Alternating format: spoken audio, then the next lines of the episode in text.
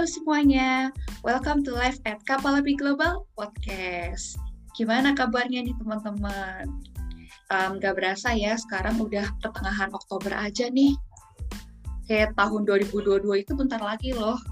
Dan boleh juga loh kalau seandainya kita mau curi start buat bikin resolusi untuk tahun yang baru nih. Jadi bisa banget nih kalau teman-teman mau punya resolusi buat belajar bahasa asing yang baru Soalnya selain seru, bahasa asing itu juga ada banyak kegunaannya. Nah, emang apa aja ya? Oke, sebelum kita bahas lebih lanjut, kita kenal dulu yuk sama gestar kita hari ini, yaitu Bu Pangesti, Head of Corporate Communication Kapal Api Global. Atau biar asik, kita panggil Mbak Cici aja kali ya. Hai Mbak Cici. Halo, selamat. Selamat apa ya? Selamat ketemu lagi. Oh, iya, jadi tahun lalu kita sempat rekaman podcast bareng ya. Pokoknya kita sering proyekan bareng nih, hmm. training. Gimana kabarnya Mbak Cici? Kabarnya baik, nggak terasa udah setahun aja ya dari terakhir kita bikin podcast ya. iya. Kabarnya eh, kemarin... baik, sehat. kemarin baru aja sehat? baru. Iya sehat Mbak Cici. Oke, okay. nah iya. teman-teman. Penting kita sehat. Hmm. Yes, itu benar Nah, teman-teman kenalin nih, ini Mbok Cici, mama aku di kantor yang paling gaul gitu kan. ya, sehari-hari. semua orang ya, Mboknya ya. semua orang. Betul. ya, sehari-hari Mbak Cici ini memegang role sebagai Head of Perform ya di KAG. Dan Mbak Cici ini barusan aja pas tanggal 1 Oktober nih, memulai Oktober dengan sesuatu yang produktif ya kita di Kapal Api. Mbak Cici jadi pemateri di kegiatan sharing knowledge yang judulnya Exploring Mandarin in 19 Minutes. Wah. Dan kita seru banget ya waktu itu kita belajar bahasa Mandarin bareng peserta-peserta dan ada simulasinya juga. Dan bahkan ya Mbak ya, saking banyaknya peserta yang seneng sampai minta season 2 loh. Ini gas nggak nih Mbak? Dahsyat ya udah kayak sinetron aja kita ada season 2 gitu. Tapi berarti seru deh uh, Stella berarti uh, memang sekarang ini uh, banyak orang tuh tertarik gitu untuk belajar bahasa asing ya. Karena uh, di samping bisa memperluas uh, pertemanan gitu di berbagai perusahaan banyak nih sekarang yang mencari orang-orang yang punya kemampuan berbahasa asing yang bagus gitu. Jadi buat karir ternyata bagus juga gitu loh Stella. Hmm, Oke, mungkin sebelum kita dig down lebih dalam ya. Jadi hmm. ya ini dia benar. Ini kita bakal discuss tentang pentingnya belajar bahasa asing nih. Dan kebetulan kan di sini juga ada Mbak Cici nih yang bisa bahasa Mandarin. Oke oke. ya mungkin kita ngebahas soal bahasa Mandarinnya dulu. Jadi sebagian besar teman-teman mungkin udah sering dengar ya kalau bahasa Mandarin itu kan adalah bahasa yang perkembangannya paling cepat dan luas ya. Dan of course setelah bahasa Inggris. Dan riset itu nunjukin ya bahwa satu dari enam orang itu bisa bahasa Mandarin. Nah sayang nih, kebetulan aku malah jadi limanya yang nggak bisa. Wah. Mungkin okay, nanti okay. setelah season 2 bisa jadi nomor 2 ya. jadi yang kedua. Menyusul dua dari enam orang. Dan aku ajak yeah. yang lain biar semuanya bisa. Sip. Sip. Oke, okay, oke. Okay. Jadi mungkin kita awalin dengan pertanyaan yang sesuai judul kita kali ya. Emang apa sih Mbak Ci pentingnya belajar bahasa asing buat kita dan gimana cara mengconsider atau mempertimbangkan enaknya kita belajar bahasa apa ya? Kan soalnya ada pilihan banyak bahasa nih Mbak. Mm -mm. Mm -mm. Uh, sekarang ini uh, masih sih kalau untuk bahasa asing yang utama tetap kita mengarahkannya masih ke bahasa Inggris ya karena bahasa ini kan memang bahasa internasional yang digunakan di seluruh dunia lah gitu ya uh, makanya kita dari SMP bahkan sekarang dari SD atau TK juga sudah belajar bahasa Inggris ya kalau ya, betul. kalau dulu zamanku mungkin SMP tapi sekarang kulihat bahkan uh, preschool juga sudah pakai bahasa bahasa Inggris gitu. Terus kemudian uh, bahasa yang memang sedang bukan sedang sih sudah lama booming gitu karena dibilangnya uh, kita ingat bahwa penduduknya Tiongkok itu kan yang terbesar di dunia. Jadi penuturnya juga otomatis yang terbanyak di dunia itu baru di Tiongkoknya saja. Uh, belum orang-orang lain yang bisa berbahasa Mandarin di belahan dunia lain. Berarti jumlah penuturnya kan banyak sekali ya gitu. Jadi bahasa Mandarin tuh menjadi boleh dibilang mungkin menjadi bahasa kedua gitu ya yang uh, dikejar sama orang. Uh, kemudian uh, bahasa lain yang juga dianggap sebagai bahasa besar di dunia itu adalah bahasa uh, Spanyol ya. Uh, karena penuturnya juga uh, cukup banyak gitu ya penutur penutur bahasa uh, bahasa apa namanya? Spanyol. Bahasa Spanyol ini gitu kan ya.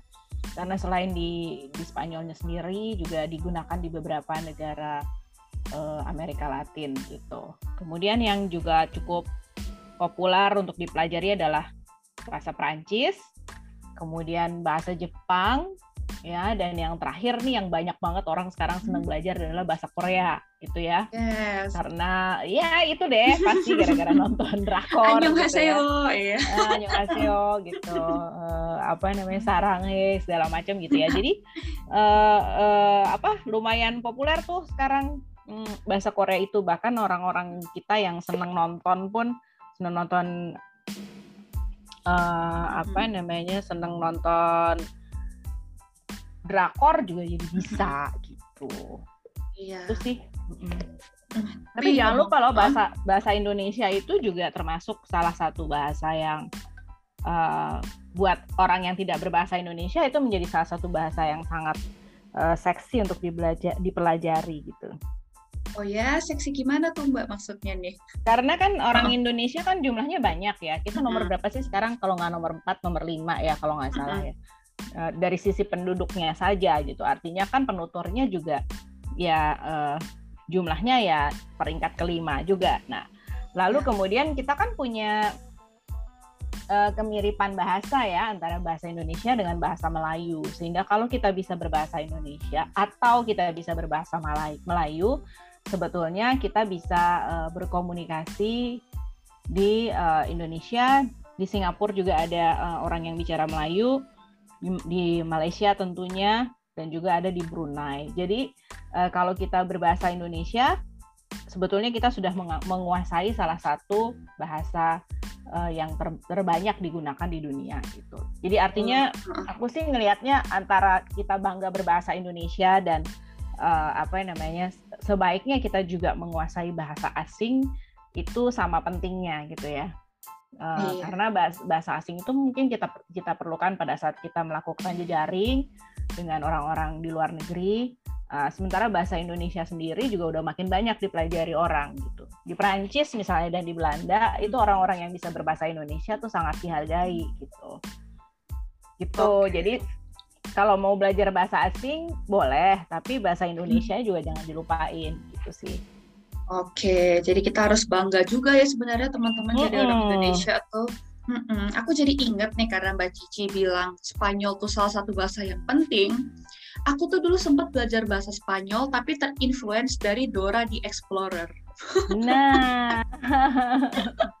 tapi nggak aku lanjutin sekarang karena udah nggak ngefans lagi sama Dora. Masih ada yang inget nggak? Masih ada yang inget nggak apa yang apa iya, yang dipelajari satu, dua, tiga, uno, dos, tes kuarto kayak hitung hitungannya aja sih mbak. Kalau gede tuh grande gitu gitu grande. Iya seru ya. ketahuan uh, seru. Uh, kalau Dora dari Dora banyak belajar juga sih. Uh, terus uh, apa dulu nonton Pokemon juga jadi bisa bahasa yeah. Jepang gitu.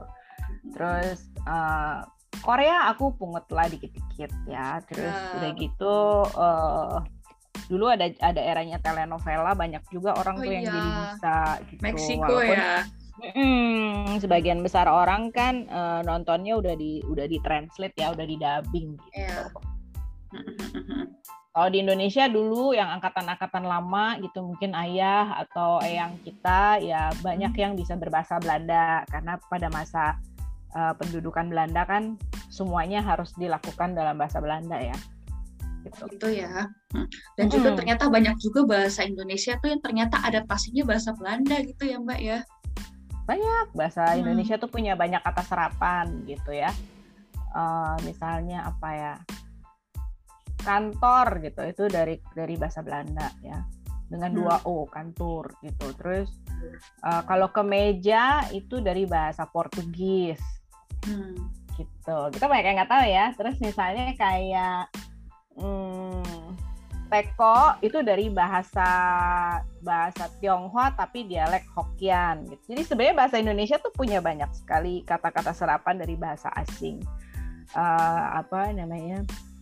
selain uh, ada juga dari dari bahasa Arab, dari bahasa India, dari bahasa macam-macam. Kita punya banyak yang terserap ke dalam bahasa Indonesia yang sekarang ada ya. Ya. Gitu. Oke oke, jadi diverse banget makanya bahasa Indonesia. Oke deh, hmm. sekarang kita hmm. mau korek-korek sedikit nih cerita Mbak Cici dalam Boleh. belajar bahasa Mandarin. Hmm. Boleh dong Mbak cerita awal-awal mulanya nih, kenapa waktu itu tertarik untuk belajar bahasa Mandarin dan itu kapan? um, kenapa tertarik lucu sih jadi waktu aku masih SMP gitu ya SMP SMA gitu aku suka banget nonton uh, cerita serial silat dari Hong Kong gitu ya mm-hmm. yang kebetulan memang di dubbingnya itu pakai bahasa Mandarin bukan pakai bahasa Cantonese karena kalau film di Hong Kong biasanya pakai bahasa Kanton mm. Nah, gara-gara sama nih kayak teman-teman sekarang nonton dra drakor gitu ya, nonton film minum nonton film dari dari Hong Kong yang didubbing ke dalam bahasa Mandarin itu terus jadi bisa pick up words gitu kan ya. Yes. Eh, eh bisa ngomong ini sedikit, bisa ngomong itu sedikit gitu. Terus satu hari ada sahabatku dari SMP, dia datang ke rumah. Mm. Sekarang sudah almarhum. Terus dia bilang gini, "Eh, kamu kan suka nonton uh, cerita silat ya? iya aku dong sekarang bisa nulis dia bilang gitu lalu dia menuliskan tulisan aksara Han itu ya Hanse ya atau kalau dalam bahasa Jepang disebutnya sebagai kanji gitu dia nulis gitu kan dengan pakai dengan pulpen dan kertas biasa gitu. Dia nulis sesuatu gitu ya. Waktu itu kan aku belum bisa baca jadi aku nggak ngerti dia nulisnya salah apa bener gitu. Uh-huh. tapi di mataku tuh dia keren banget. Ih gila lo dia bisa nulis kayak gitu gitu kan. Uh-huh. terus aku tanya emang kamu sekarang di mana? Oh aku sekarang di sastra Cina di UI gitu. Uh-huh. udah deh terus akhirnya aku pikir oh lucu juga ya. Mungkin aku nanti kalau udah lulus mau deh ke situ gitu nah uh, waktu itu uh, setelah lulus SMA tapi aku nggak milih sastra Cina. Aku justru milihnya belajar uh, sastra Rusia gitu ya. Aku belajar bahasa Rusia. Nah udah belajar bahasa Rusia terus uh, satu tahun aku belajarnya di Unpad. Aku kuliahnya di Bandung. Uh, terus tiba-tiba ayahku nyuruh aku pulang. Pulang deh sini deh. Kamu mendingan belajar sastra Cina aja gitu Terus aku nanya kenapa emangnya gitu. Oh enggak, ini nanti di kemudian hari ini akan diperlukan kalau kamu mungkin bisa jadi diplomat atau apa gitu. Hmm. Nah terus uh, aku mikir lagi saat itu itu belum ada uh, kedutaan uh, Tiongkok tuh masih tutup gitu sudah uh, peristiwa tahun 1965 ya masih tutup gitu kan. Terus aku ragu-ragu masa sih enggak udah percaya aja sama papiku bilang gitu kan percaya aja kamu sama aku gitu ya udah akhirnya terus kemudian aku ikut seleksi mahasiswa lagi gitu ya. Hmm. apa sih sekarang namanya? SNMPTN ya? Ya SNM SBM nggak tahu juga ya. Sekarang SBM, namanya ganti PTN. jadi namanya ganti ganti dulu. Yes ganti ganti ya, terus. ya pokoknya itulah ya. Pokoknya itulah ya. Ya gitu. zamanku namanya zamanku namanya UMPTN mm -mm. jadi aku ikut lagi gitu ternyata lulus gitu. Terus aku pindah ke UI Nah, pindah ke ke UI itu terus uh, mulai belajar lah ya bahasa bahasa Mandarin itu ya Allah susahnya gitu ya. Setiap hari itu aku harus setiap hari itu harus nulis-nulis di buku yang kotak-kotak gitu. Terus nulisnya itu kalau tulisan kanji itu nggak boleh salah, ada urutannya. Misalnya dari kiri garisnya harus ditarik ke kanan dari atas ke bawah, kemudian hmm. dari atas ke arah kanan bawah gitu. Jadi pokoknya ada aturannya. Bikin oh itu karena juga. apa ya Mbak? Maksudnya karena mempengaruhi tebal tipisnya tulisan atau gimana? Iya, sebetulnya itu arahannya lebih ke uh, apa? ke kaligrafi ya. Tapi memang dari dulu cara penulisannya seperti itu. Jadi dan itu kelihatan kalau misalnya kita nulisnya salah nih misalnya harusnya dari kanan ke kiri kita bikin hmm kiri ke kanan itu kelihatan kalau kita lihat carefully ya dan itu sangat kelihatan ketika kita menulis dengan puas menulis dengan sorry, sorry, tulisan okay, okay. biasa sih nggak nggak kelihatan gitu hmm. gitu kan jadi tiap hari mesti ngafalin ngafalin kosakata ngafalin huruf gitu pokoknya okay. sedih banget deh gitu susah banget gitu kayaknya hidupnya susah banget waktu itu gitu ya. Tapi di di saat yang sama tuh jadi tiba-tiba jadi seneng sesudah sebulan dua bulan gitu. Eh kok aku bisa ya gitu. Terus tiga bulan terus jadi setahun jadi dua tahun jadi berapa tahun kosakatanya tambah banyak gitu. Terus sampai akhirnya di tahun kedua kalau aku nggak salah mulai deh tuh ditugasin kalau ada mahasiswa-mahasiswa asing yang berbahasa Mandarin uh, kolaborasi atau datang ke UI kita mulai dipanggil tuh siapa yang mau jadi interpreter gitu kan. Wah. nah itu. Di situlah kemudian uh, terjadi satu peristiwa yang lucu gitu. Karena Wah. aku salah ngomong. Wah boleh cerita dong mbak. Jadi gini ya cerita uh, lucunya. uh, apa hmm. cerita lucunya ya. Jadi gini kalau di dalam bahasa Mandarin itu ada uh, empat tone sempat nada dan satu nada netral. Jadi kita bilangnya lima lah ya gitu. Nah hmm. kalau kita salah mengucapkannya dengan tone yang salah, maka artinya tuh beda. Jadinya berbeda sama sekali, nggak ada mirip-miripnya. Hmm. Nah waktu itu kejadiannya ada kontingen olahraga pingpong kalau aku nggak salah. Uh, mereka uh, aku jadi LO-nya sekaligus interpreternya gitu.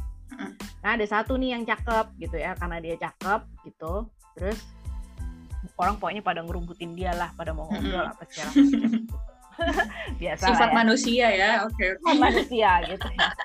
Terus aku pikir gini eh why don't I try my luck? gitu. Jadi aku hmm. coba deh aku ngobrol sama dia gitu. Terus aku ber, bertanya aku bilang gini saya mau tanya sama kamu. Maksudku tuh aku mau mau nanyanya gitu gitu. Oh dalam bahasa Mandarin tuh waya wen nih? gitu ya Hmm. ya one nih, jadi one-nya tuh ke bawah gitu, one gitu kayak dibentak gitu ya ke bawah. Nah ada hmm. empat. Mm -mm. Tapi karena aku gemeteran gitu, grogi ngeliat dia ganteng, akhirnya aku mengucapkan kata one-nya itu jadi nada dua gitu. Wah ya hmm. one nih. Dan one itu kalau nada dua artinya mencium, kissing. Oh. Kayaknya imagine kan malu banget ya, sementara dia kan pasti yeah, yeah. berbahasa Mandarin, dia sambil ngeliatin gini, hah, niao shemo? Kamu mau apa? Gitu dia tanya gitu kan. Terus aku ulangin lagi dan tetap salah. Terus akhirnya jadi ketawa. Tapi dianya bijaksana lah ya. Karena dia tahu kan aku tuh baru belajar gitu kan dia bilang. Kamu salah ngomong loh. Tadi tuh kamu bilangnya begini. Terus dia ngomong pakai bahasa aku lupa pakai bahasa Inggris atau pakai bahasa Melayu ya. Pokoknya dia bilang e, kamu tuh barusan bilang kamu mau cium saya gitu. Oh aku tuh benar-benar merah mukanya gitu ya. Malu banget malu banget gitu. Uh, terus abis itu tuh jadi pelajaran banget banget buat aku untuk lebih lebih tertib lagi deh dalam belajar uh, mengucapkannya dengan nada yang benar gitu. Oke. Okay. seru ya perjalanan Mbak Cici belajar bahasa Mandarin ini. Terus Mbak Cici selama belajar belajar bahasa Mandarin ini, kira-kira ada kendala nggak? Mungkin karena abjadnya yang susah atau gimana gitu? Hmm kendalanya sih banyak ya. Itu satu tadi ya kayak nada itu aja kalau kita salah salah ngomong salah ngomong salah arti gitu. Terus yes. tadi kan aku ceritakan uh, apa kan tidak ada huruf tidak ada aksara. Jadi semua tidak ada alfabet maksudnya tidak ada A B C D gitu. Nggak ada ya. Kalau di bahasa Jepang masih ada katakana masih ada hiragana, hiragana. di bahasa Korea masih ada hangul gitu. Nah kalau di bahasa Mandarin tuh nggak ada. Jadi benar-benar total semuanya kanji gitu. Kalau kalau hmm. orang yang belajar bahasa Jepang ya, biasanya yang ditakutin tuh belajar kanji gitu. Tapi mereka masih hmm. punya katakanlah hiragana gitu. Di Korea juga gitu. Orang biasanya yes. males belajar kan bahasa di bahasa Korea ada kanjinya juga walaupun lebih sedikit. Hmm. Kalau di kita tuh kanji semua gitu, jadi mau nggak mau harus diapalin gitu. Karena sedih banget gak sih? Hmm, ya udah, terus akhirnya uh, apa namanya? Ya gitu, tiap malam harus ngafalin, harus nulis-nulis gitu terus belum tetap harus belajar hmm, filsafatnya kayak gimana. Kemudian waktu itu uh, kalau di UI itu jadi jadi aksara kanji kanji di dalam bahasa Mandarin tuh ada dua versi, ada versi yang tradisional dan itu jumlah stroke-nya, jumlah guratannya itu biasanya banyak dan itu dipakainya hmm. di Taiwan dan di Hong Kong. Uh, lalu ada yang versi simplified uh, yang modern Ren itu jumlah guratannya jumlah stroke-nya lebih sedikit dan itu dipakai di Tiongkok. Nah waktu itu sampai sekarang sih di UI itu harus belajar dua-duanya gitu. Jadi yang versi uh, tradisional atau yang komplit atau versi yang hmm. simplified. Jadi kita ngafal ini dua kali gitu. Kebanyakan orang lebih suka belajar yang simplified karena lebih gampang ya. diingat yeah. gitu kan. Nah, tapi kalau di kita tuh nggak boleh. Tapi belakangan kemudian kita jadi seneng ya, aku ngerasanya ketika ketemu sama orang-orang dari uh, universitas lain yang menerapkan hanya belajar satu hmm. jenis karakter aja gitu ya. Misalnya kalau di Taiwan tuh orang Taiwan biasanya uh, uh, apa susah juga baca yang simplified. Orang Tiong uh, di Tiongkok juga susah juga baca yang uh, tradisional gitu.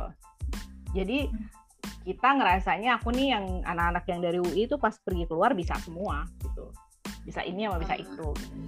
Ya manfaat akhirnya sih seneng walaupun awal-awalnya penuh duka.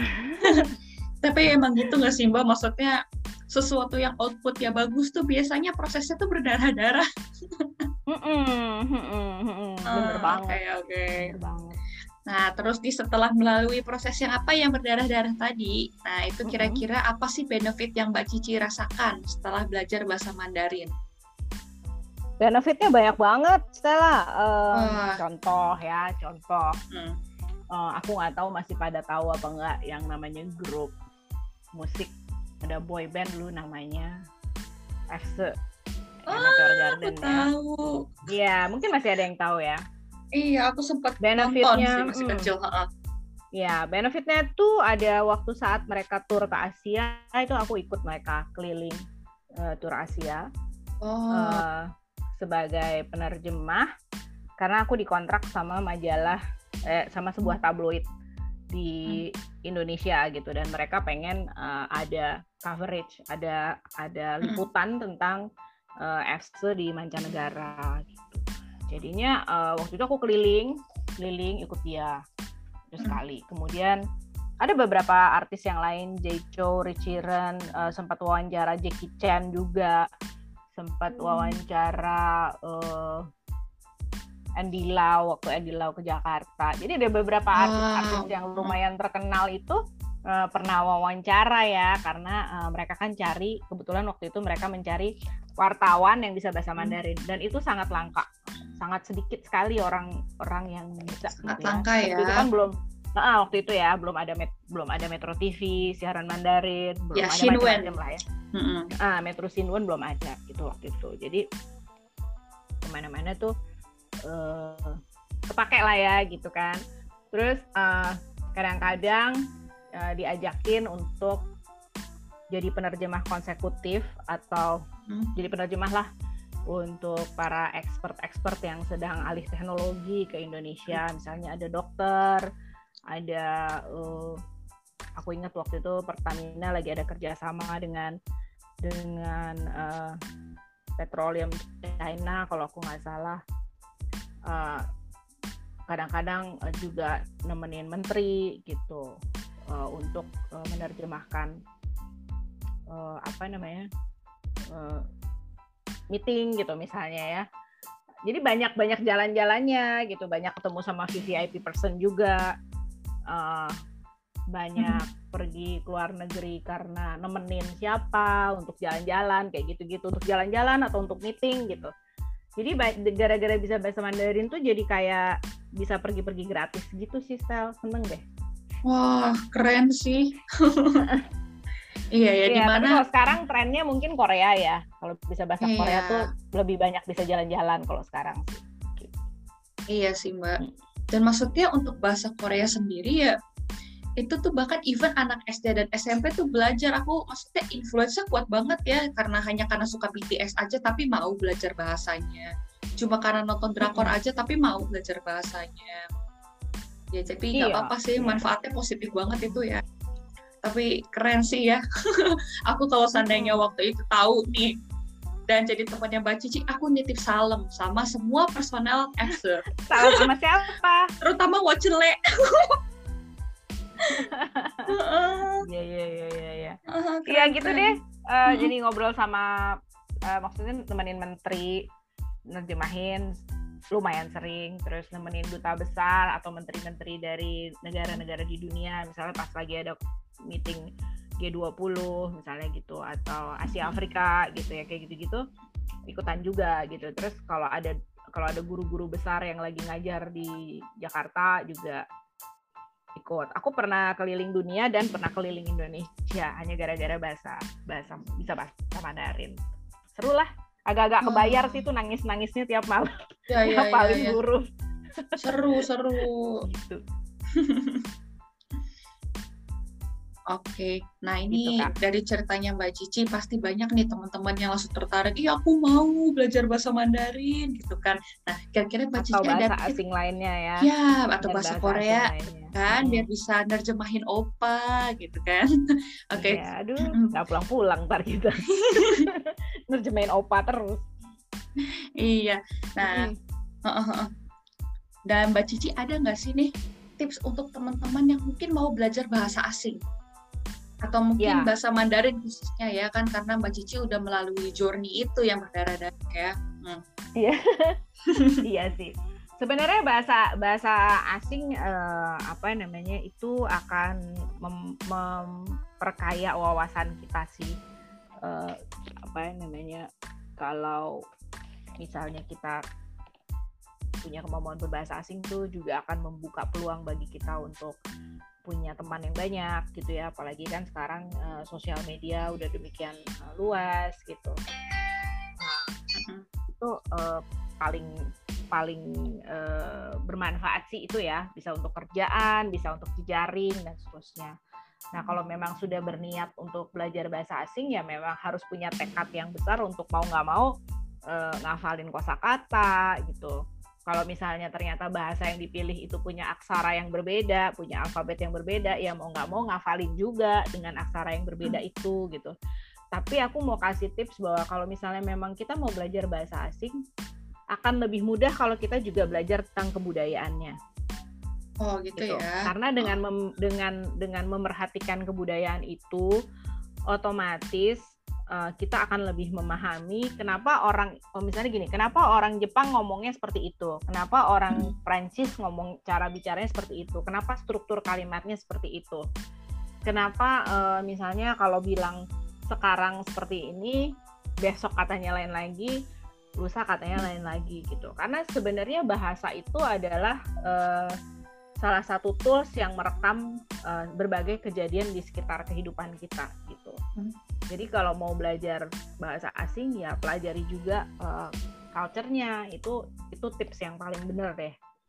Gitu. Makanya kalau misalnya gini, kalau misalnya ada kesempatan pergi ke luar negeri hmm. untuk belajar bahasa asing, kalau aku nggak suggest untuk ngumpul-ngumpul sama anak Indonesia juga di sana karena nanti kita hmm. jadinya belajar bahasa kita ngomong bahasa Indonesia cuman pindah tempat aja ke satu negara yes, sayang uh -huh. banget ya sayang hmm. banget gitu kita udah jauh-jauh pergi mungkin dibiayain sama orang tua atau pakai biaya sendiri tapi pada akhirnya kita tidak mm, menghasilkan hasil yang maksimal gitu kalau yang aku lakuin waktu itu ya uh, uh, biasanya sekitar sebulan pertama dari ketika aku baru datang gitu entah hmm. datang ke Taiwan atau datang ke Tiong ke Tiongkok ke Beijing atau ke Shanghai untuk belajar itu aku sebulan pertama tuh nggak mau ketemu sama orang Indonesia seperlunya aja gitu terus tiap hari tuh aku bisa pergi ke pasar duduk atau ke warung gitu atau coffee shop atau ke mana. Hanya untuk mendengarkan orang bicara karena uh, dan dan ini terbukti ya bertahun-tahun aku menjadi dosen untuk mengajarkan bahasa asing juga. Karena aku jadi sempat jadi dosen juga uh, Stella. Mm-hmm. itu aku selalu bilang sama sama uh, mahasiswaku bahwa yang paling penting ketika kita belajar bahasa asing itu adalah mendengar dulu bukan berbicara atau menulis okay. dengerin aja dulu orang mau ngomong jadi kita tahu hmm. oh kecepatannya kayak gini oh dia speednya akan seperti ini oh dia naik turunnya akan seperti ini oh cara ngomongnya dia itu belok sedikit di sini naik sedikit di sini turun sedikit di sini itu kita hanya bisa pelajari dengan cara mimicking atau menirukan uh, native speaker ya sebenarnya ini sama seperti waktu kita masih bayi kan kita juga belajar ngomong niruin papa mama kita ya atau yeah, mbak betul. siapa pun yang bersama sama kita gitu loh mm-hmm. Jadi kadang-kadang perhatiin deh, uh, tinggal di Jakarta tapi karena misalnya neninya itu orang Jawa gitu yang medok gitu. Si anak kecil itu bisa jadi dia akan ngomongnya sangat medok. Iya. Yeah. Padahal tinggal di Jakarta karena setiap hari yang ngabisin waktu sama dia adalah si neninya itu. Neninya gitu. Kayak gitu. Jadi kalau mau belajar bahasa asing tuh yang menurut aku paling penting tuh pertama kali adalah listening. Listeningnya mesti kuat dulu. Kalau listeningnya sudah kuat untuk urusan me, me apa namanya me, menghafalkan huruf, menghafalkan kata, kosakata itu menjadi lebih mudah gitu. Karena kita udah terbiasa mendengar dan istilahnya apa tuh kalau kalau penyanyi keroncong tuh cengkoknya tuh benar gitu loh. Ya. Yeah. Gocekannya tuh benar gitu. Jadi pulen gitu kalau ngomongnya, wah pas banget nih kayak native gitu. Oke. Okay. Nah, Mbak Cici ada saran nggak sih gimana cara kita memperkuat listening? Apa mungkin lagu itu membantu atau film atau gimana tuh Mbak? Kalau berdasarkan pengalaman Mbak iya. Cici. Kalau di bahasa Mandarin agak susah ya kalau pakai lagu karena kalau lagu itu kan nyanyi aja terus udah gitu enggak enggak apa ya namanya enggak uh, apa sebentar, sebentar istilahnya dia akan tidak memakai nada gitu loh mm-hmm. kalau di dalam menyanyi gitu ya nah mm-hmm. yang paling mudah sebenarnya menurutku adalah uh, nonton film itu kan nonton film itu kan uh, ketahuan cara bicaranya seperti apa gitu terus kemudian juga kita bisa belajar gesture ya misalnya film India kita tahu tuh kalau ngangguk-ngangguk itu artinya justru tidak no kalau geleng uh, kalau kalau ya. geleng-geleng justru artinya iya, gitu iya. gitu ya kayak gitu-gitu tuh hanya bisa dilihat uh, uh, secara nyata kalau kita ke sana atau kita sekarang gampang udah lihat aja lewat film gitu. Cara bicaranya nadanya naik tingginya gitu. Itu akan lebih mudah kita pelajari terutama bahasa Mandarin tuh harus menurutku harus dari film. Kalau dari lagu tuh nggak kebaca karena kalau nyanyi tuh nggak ada nadanya gitu nggak ada ada satu dua tiga dia bablas aja gitu.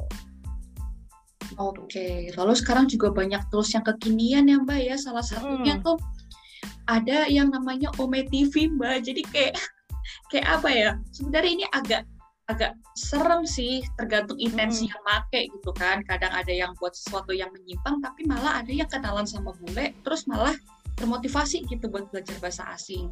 Soalnya aku tuh kayak barusan kepikiran ya ada youtuber yang namanya itu Vicky Naki mbak. Hmm. Mm-mm, jadi dia youtuber hits, cowok, mahasiswa, terus masih muda. Dia tuh kayak bisa banyak bahasa, including bahasa Rusia. Dan dia akhirnya karena bisa bahasa Rusia itu, dia di Oma TV tuh bisa ketemu sama cewek-cewek Rusia yang cakep dong berkat skill dia. Nah, terus terus apa yang Dan akhirnya conversation dia di YouTube sama oh, cewek-cewek Rusia yang cantik itu, cewek-cewek Kazakhstan, itu dia masukin ke YouTube dan dia sekarang jadi YouTube yang apa ya yang subscribernya tuh jutaan. Kalau nggak salah 4 juta deh mbak kan lumayan ya hmm. di usia mahasiswa gitu hmm. karena bisa bahasa asing tiba-tiba jadi youtuber nih youtuber yang cukup star lah gitu Iya, oh, iya, iya, iya. Keren ya? sih. Iya, seru. Hmm. Ya, mm kayaknya sekarang ini kalau kita bisa bahasa asing bisa bikin konten konten yang lucu-lucu juga sih gitu. Uh, seingat aku ada, aku pernah lihat ya ada uh, mantan uh, tenaga kerja asing ya uh, PKW kita gitu ya di di Taiwan kalau nggak salah. Masih mantan atau masih di sana gitu. Dia bikin konten tuh dia dan anak yang dia asuh gitu. Jadi dia tuh ngajarin dia ngomong Mandarinnya udah jago banget tapi terus dia dikit-dikit ngajarin si uh, anak yang dia asuhnya itu bahasa Indonesia gitu. Terus ada lagi yang di Hong Kong juga pakai bahasa uh, kanton gitu. Terus dia bikin uh, konten YouTube. YouTube kayaknya itu terus dia bikinnya sama anak yang diasuhnya juga jadi jadi seru gitu loh maksudnya kita bisa bikin macam-macam dari dari kemampuan kita berbahasa itu gitu jadi secara nggak langsung hmm. tuh kemampuan berbahasa tuh malah membawa kita ke banyak pintu gitu ya jadi banyak pintu baru yang unlock gitu yang kebuka Betul, betul banget. Hmm. Banyak banget yang bisa kita unlock dari uh, dari dunia ini gitu ya. Uh, eh, yeah. apa terus uh, bisa juga bikin kan bikin kayak misalnya tadi tuh yang aku bilang uh, mau bilang tanya jadi cium gitu sekarang kan coba kebayang kalau itu dibikin konten TikTok kan lucu juga ya gitu kan. Iya bener kayak storytelling uh, gitu ya Mbak ya. Uh, Terus buat ngajarin Mandarin tapi dari semua kesalahan nada yang lo lakuin tuh bisa jadi sesuatu yang konyol gitu kan. Itu menarik banget. Kalau dulu kan susah kan nggak ada platformnya. Kalau sekarang kan ya kayak TikTok sama Reels itu kan bisa bisa cuma berapa detik gitu ya, berapa menit gitu kan yes. selesai gitu. Wah, gitu. berarti Jadi, Mbak Cici bentar lagi bisa situ. bikin TikTok ya, bikin Reels.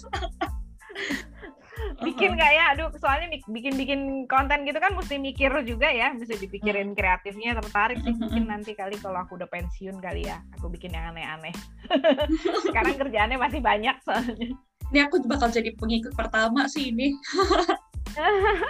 iya ya kalau ada ya Oke. Okay. Tapi tapi aku percaya siap. Tapi aku percaya loh bahwa belajar bahasa asing itu pasti ada manfaatnya uh, aku lupa udah pernah cerita atau belum sama Stella hmm. tapi satu hari aku lagi mau apply visa ke Amerika dan hmm. waktu itu uh, waktunya masih belum terlalu jauh dari baru sekitar dua atau tiga tahun setelah 9/11 ya eh enggak ding ya pokoknya uh, belum terlalu jauh waktunya dari kejadian 9/11 jadi kita kalau mau apply kan waktu itu masih agak susah gitu ya nah terus aku masukin formulir dan ternyata si petugas di kedutaan Amerika itu melihat bahwa aku lulusan dari sekolah yang dia juga pernah sekolah dulu gitu dan dia hmm. ternyata pernah sekolah di Taiwan gitu.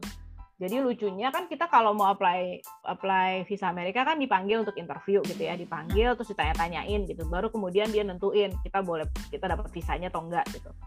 Nah, yang lucu itu adalah aku dipanggil pakai bahasa Inggris tapi pas interview sebelum interview dia nanya, "Wah, kamu pernah bikin eh kamu pernah sekolah di sini ya? Sama tuh sama sekolah saya gini-gini. Dia masih ngomong pakai bahasa Inggris cuma sedikit abis itu dia ngomong pakai bahasa Mandarin gitu.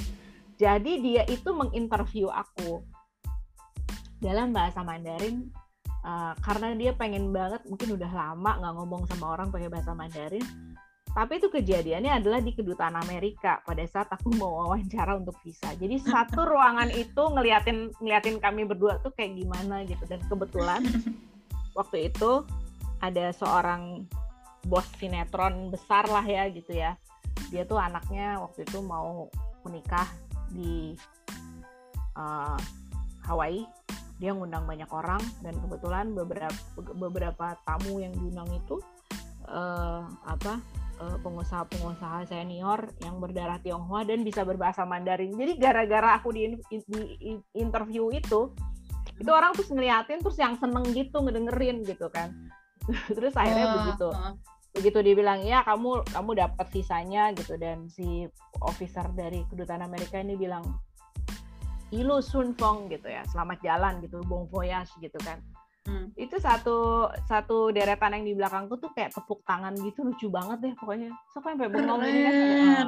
Serius enggak tapi antara malu sama tensin sama gimana gitu kan ternyata ih gue tadi wawancara gue didengerin orang gitu. Karena bahasanya lain sendiri kan everyone everybody speak English terus aku aku interviewku sendiri yang pakai bahasa Mandarin gitu gitu-gitu deh. Jadi aku tuh ngalamin banyak kejadian yang aneh-aneh gitu ya. Yang yang lucu yang malu-maluin yang apa gitu. Yang menyenangkan yang menolong juga. Seperti waktu aku menyasar di Milan itu aku ditolonginnya sama uh, orang-orang dari Shanghai yang tinggal di Milan gitu kan.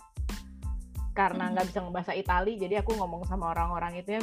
Ya ditolonginnya karena aku ber, bisa ber, bisa berbahasa Mandarin dan ditolongin sama orang-orang Tiongkok yang ada di sana dari Shanghai jadi nyenengin sih cuma gara cuma gara-gara bisa bahasa Mandarin nah itu tadi kan membuktikan bahwa Tiongkok tuh penduduknya nomor nomor satu terbesar di dunia belum termasuk overseas Chinese yang juga bisa bahasa Mandarin jadi iya. bayangin yeah. aku lagi di Itali eh, nggak uh, bisa komunikasi bahasa Inggris nggak ada yang ngerti, yang nolongin adalah bahasa Mandarin gitu kan aneh banget. Padahal kalau dipikir kan bahasa internasional tuh bahasa Inggris harusnya mm ke mana-mana kita modal bahasa Inggris cukup gitu kan. Mm Ternyata lebih menolong bisa bahasa Mandarin.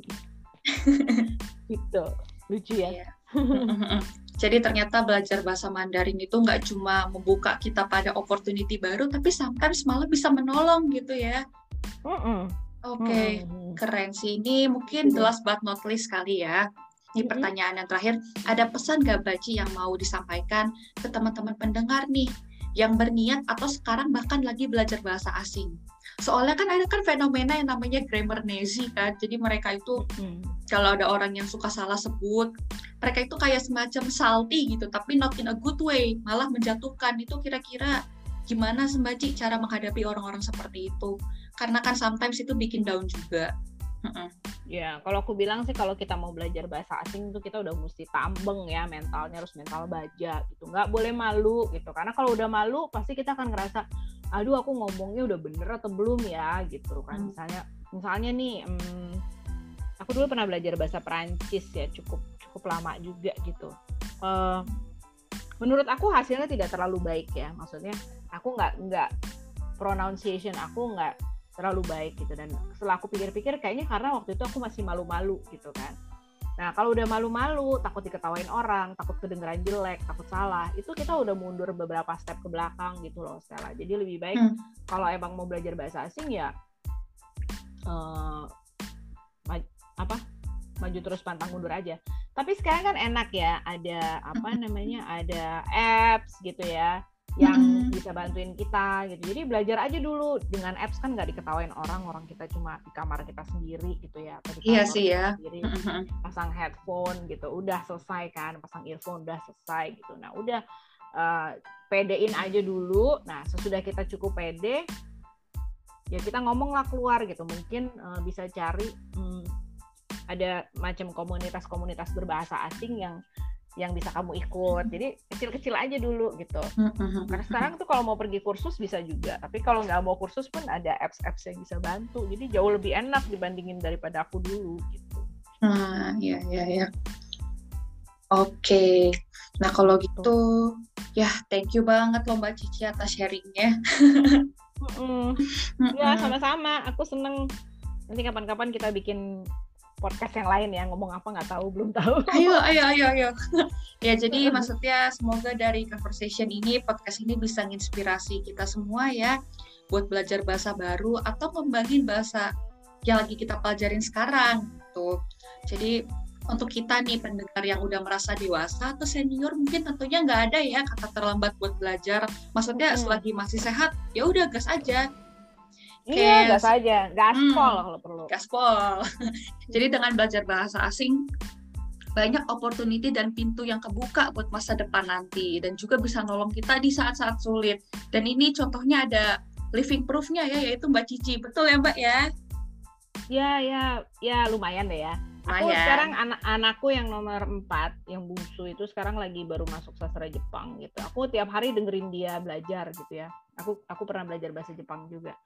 Nah itu nyenengin kalau memang aku lihat dari satu kelasnya dari day one yang tadinya nggak bisa gitu. Sekarang udah udah hampir dua bulan tuh mereka ngomongnya cengkoknya aja udah kayak orang Jepang gitu. Seneng jadinya ngeliatnya gitu. memang nggak boleh malu. Hmm.